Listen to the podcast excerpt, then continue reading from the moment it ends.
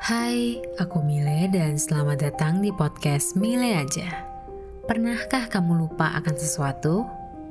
Apakah kamu juga pernah menghadapi orang-orang yang pelupa? Di episode kali ini, aku akan membahas beberapa kasus lupa yang wajar dan tidak wajar di mataku.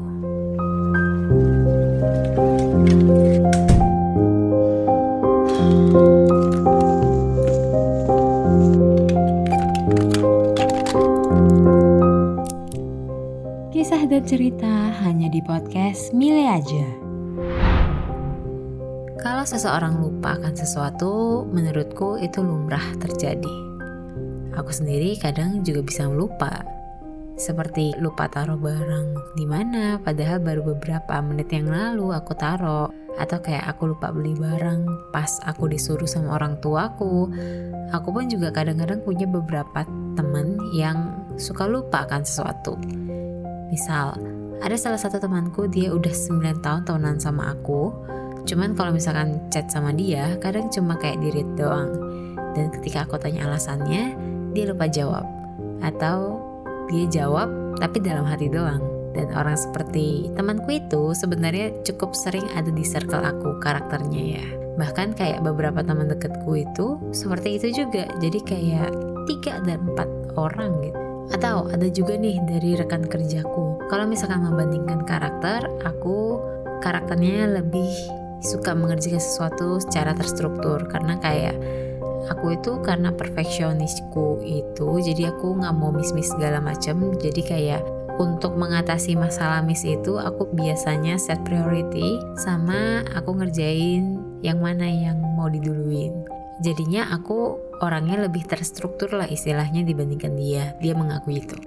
Faktor itu yang pertama. Yang kedua adalah temanku ini kerjaannya lebih banyak daripada aku. Jadi hal ini membuat dia kadang-kadang tugasnya ada yang miss atau yang lupa gitu. Pun kayak aku juga maklumin karena ya ya dia memang banyak kerjaannya dan aku juga kadang backup dia dan ada beberapa hal yang udah di batas kemampuanku gitu. Si partnerku ini yang nge-backup kerjaanku jadinya. Jadi kami melengkapi kekurangan satu sama lain. Nah, bila menyangkut pertemanan, apalagi terhadap teman dekatku, rasa toleransiku sebenarnya tinggi terhadap mereka karena sejauh ini aku sudah mengenal mereka bagaimana kelebihannya, bagaimana kekurangannya dan aku lebih jadinya memaklumi mereka kalau misalkan mereka teledor atau lupa akan sesuatu. Sementara kalau untuk lingkungan pekerjaan, ada konteks tertentu sehingga aku bisa menaikkan atau menurunkan kadar toleransi seseorang yang lupa akan pekerjaan mereka. Apalagi melibatkan orang lain ya. Jadi kalau misalkan kamu dengerin episodeku yang mempertanyakan profesionalisme dan membangun empati, aku ada memperkenalkan dua orang. Yang pertama adalah parit, yang kedua adalah ketapel. Sebenarnya ketapel cuma singgungan doang sih. Nah, kita mulai dari parit. Terkait parit ini, saat ini aku nggak mengalami banyak masalah dengan dia karena setelah dia mempertanyakan profesionalisme aku, dia mencoba mencari kesalahan aku dan mengatakan kalau aku banyak ngeles, banyak alasan, padahal dia bilang sebenarnya itu ngajak diskusi dan bertukar pikiran. By the way, setiap kali aku meeting sama dia, aku selalu record dan pernyataan ini memang benar. Dia yang sebenarnya kayaknya nggak suka sama aku, jadi makanya dia begitu. Namun akhirnya dia diam karena saat aku selesai probasi, aku membuat laporan mengenai performaku dan hasilnya itu memang bagus. Kata bagus ini bukan aku yang ngomong sebenarnya, namun rekan kerjaku dan beberapa atasan bahkan atasannya si Parit bilang kayak gitu. Itu intermezzo aja sih tentang aku dan Parit soal profesionalisme. Nah sekarang kita spesial mendetailkan karakter ketapel. Sebenarnya kenapa aku sebut nama dia Ketapel? Karena karakter dia yang di dalam kantor itu sebenarnya suka ngelempar kerjaan dan tanggung jawab dia ke orang lain. Dan ada juga sebenarnya beberapa karakter yang sebenarnya nggak cocok di mataku. Bahkan bukan nggak cocok, malahan aku benar-benar nggak suka karakter dia karena dia itu nggak memanusiakan manusia dia kurang empati cuman kayak karena ini subjektif jadi aku nggak terlalu bahas dia yang aku nggak suka karakternya jadi aku akan membahas dia dan beberapa case terhadap atasanku yang berkaitan dengan sikap lupa itu Oke, kita mulai dari periode Januari ke Februari. Itu adalah masa di mana aku sedang sibuk-sibuknya. Apalagi ada persiapan dua event untuk di Februari dan Maret. Dan aku yang ngerjain sendiri.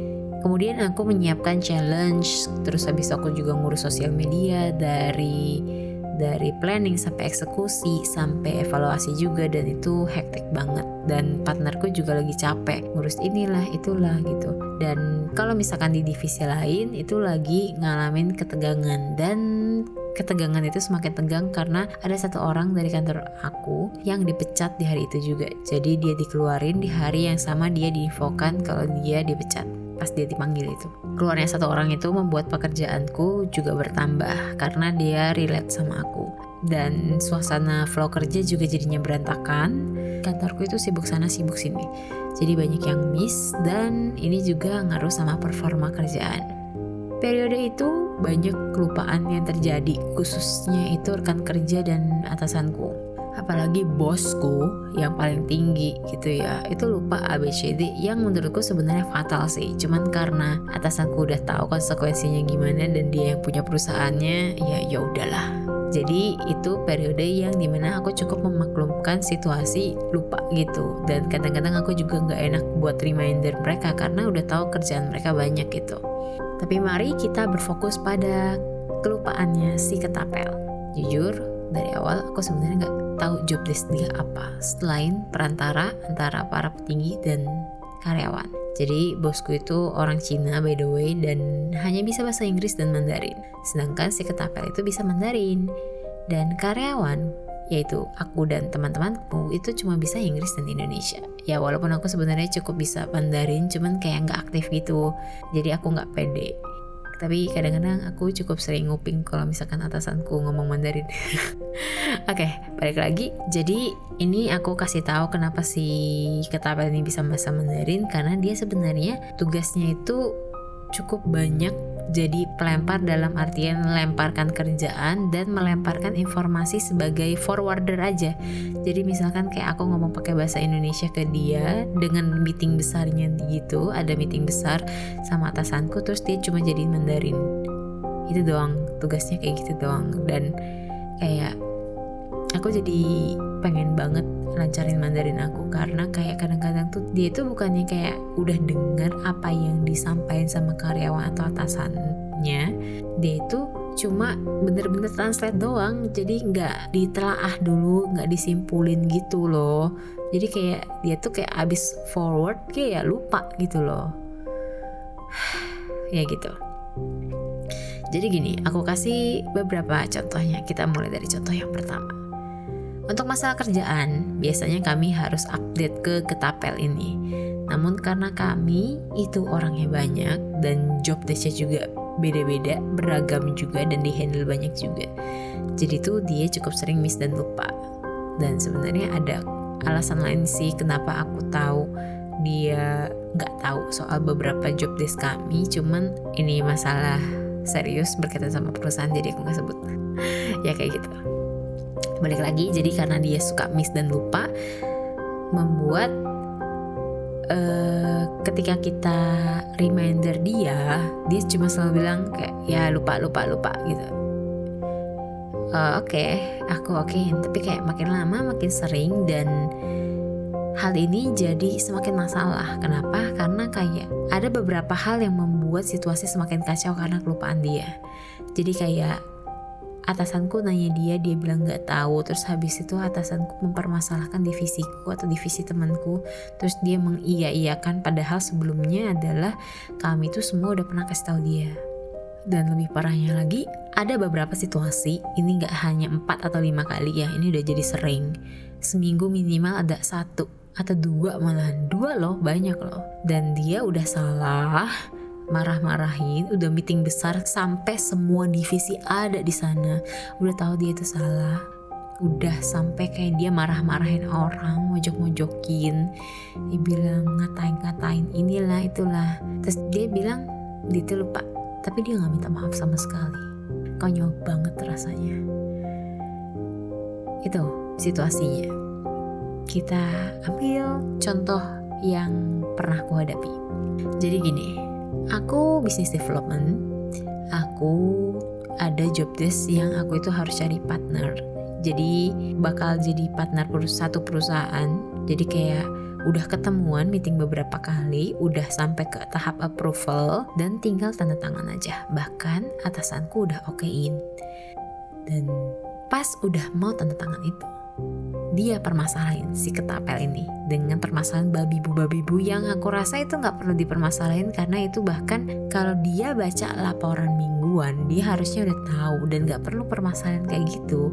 Kayak gimana ya bahkan dia di meeting kedua meeting sama partner perusahaan partnerku itu dia juga ada.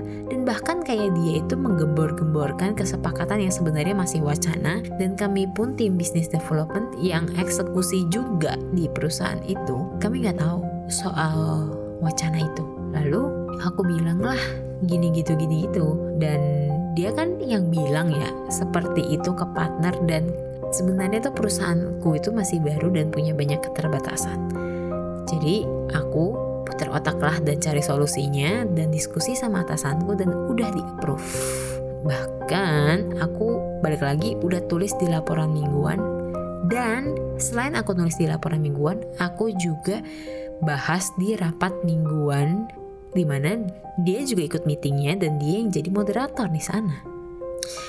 Tapi nyatanya ini tuh proses persiapan kerja sama ini udah disiapin tiga minggu malah terus dengan dia udah marah-marah dia mempermasalahkan hal ini itu ini itu dia nyalahin aku babi bu babi bu dan dia cuma bilang kayak oh oke okay, aku lupa even say sorry aja dia enggak dan dia itu enggak sekali dua kali. Itu adalah aktivitas yang udah terjadi keempat kalinya ke aku.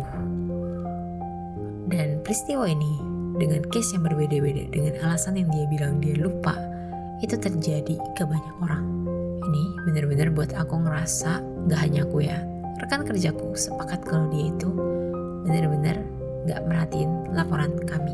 Bayangin aja ada project yang udah dijalanin dua bulan. Dia itu baru tahu. Itu pun karena ada meeting besar yang ngebahas project ini ada masalah. Yang akhirnya juga di clear clearin itu sama atasan sama teman-teman aku. Dia tuh nggak terlibat sama sekali dan dia bilang wah keren ya kalian. Aku aja nggak tahu loh soal ini. Hah? Aneh nggak sih?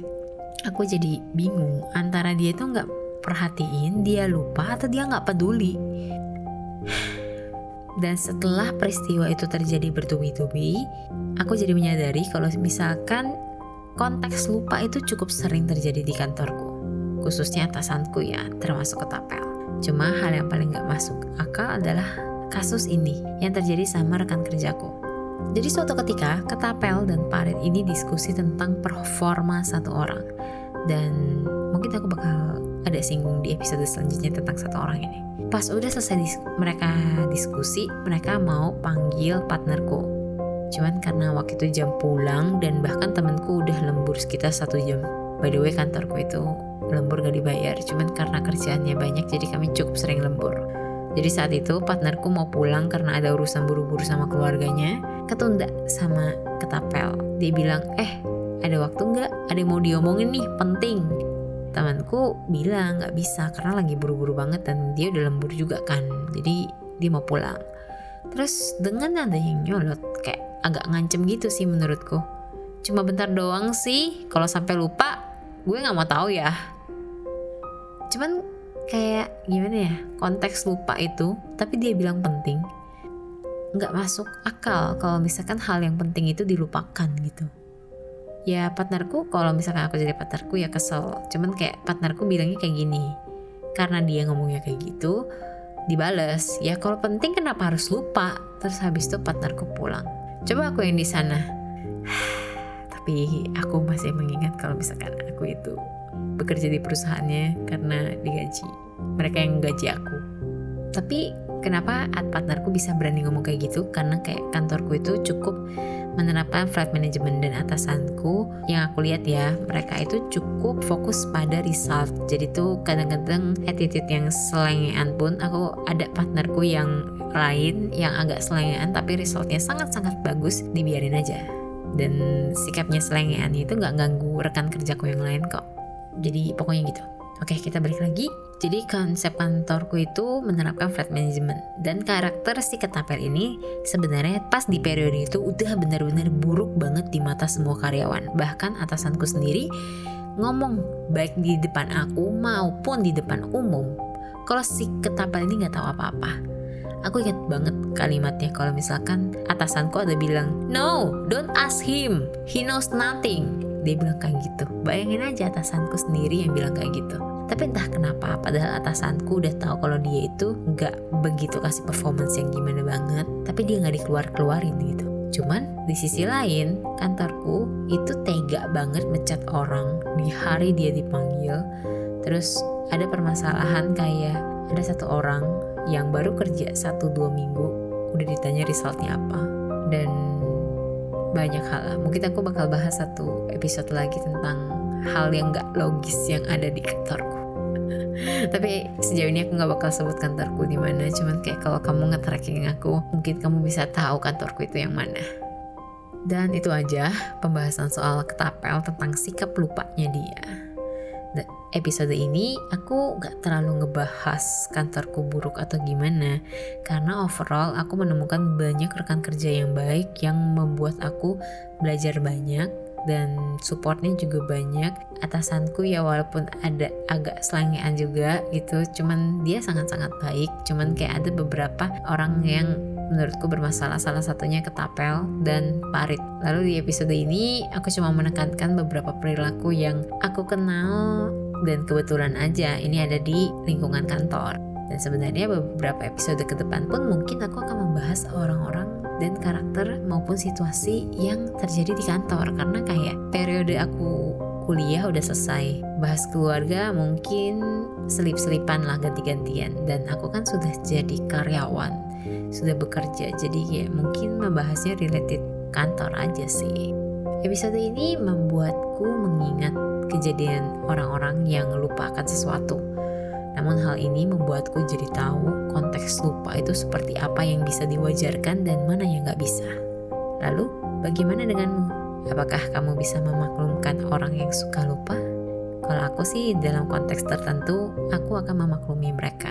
Namun, dengan pertimbangan adanya alasan dan situasi di balik setiap dia bisa melupakan hal tersebut yang padahal sebenarnya penting. Demikian podcast Milih aja kali ini. Aku Mile dan sampai jumpa di episode selanjutnya.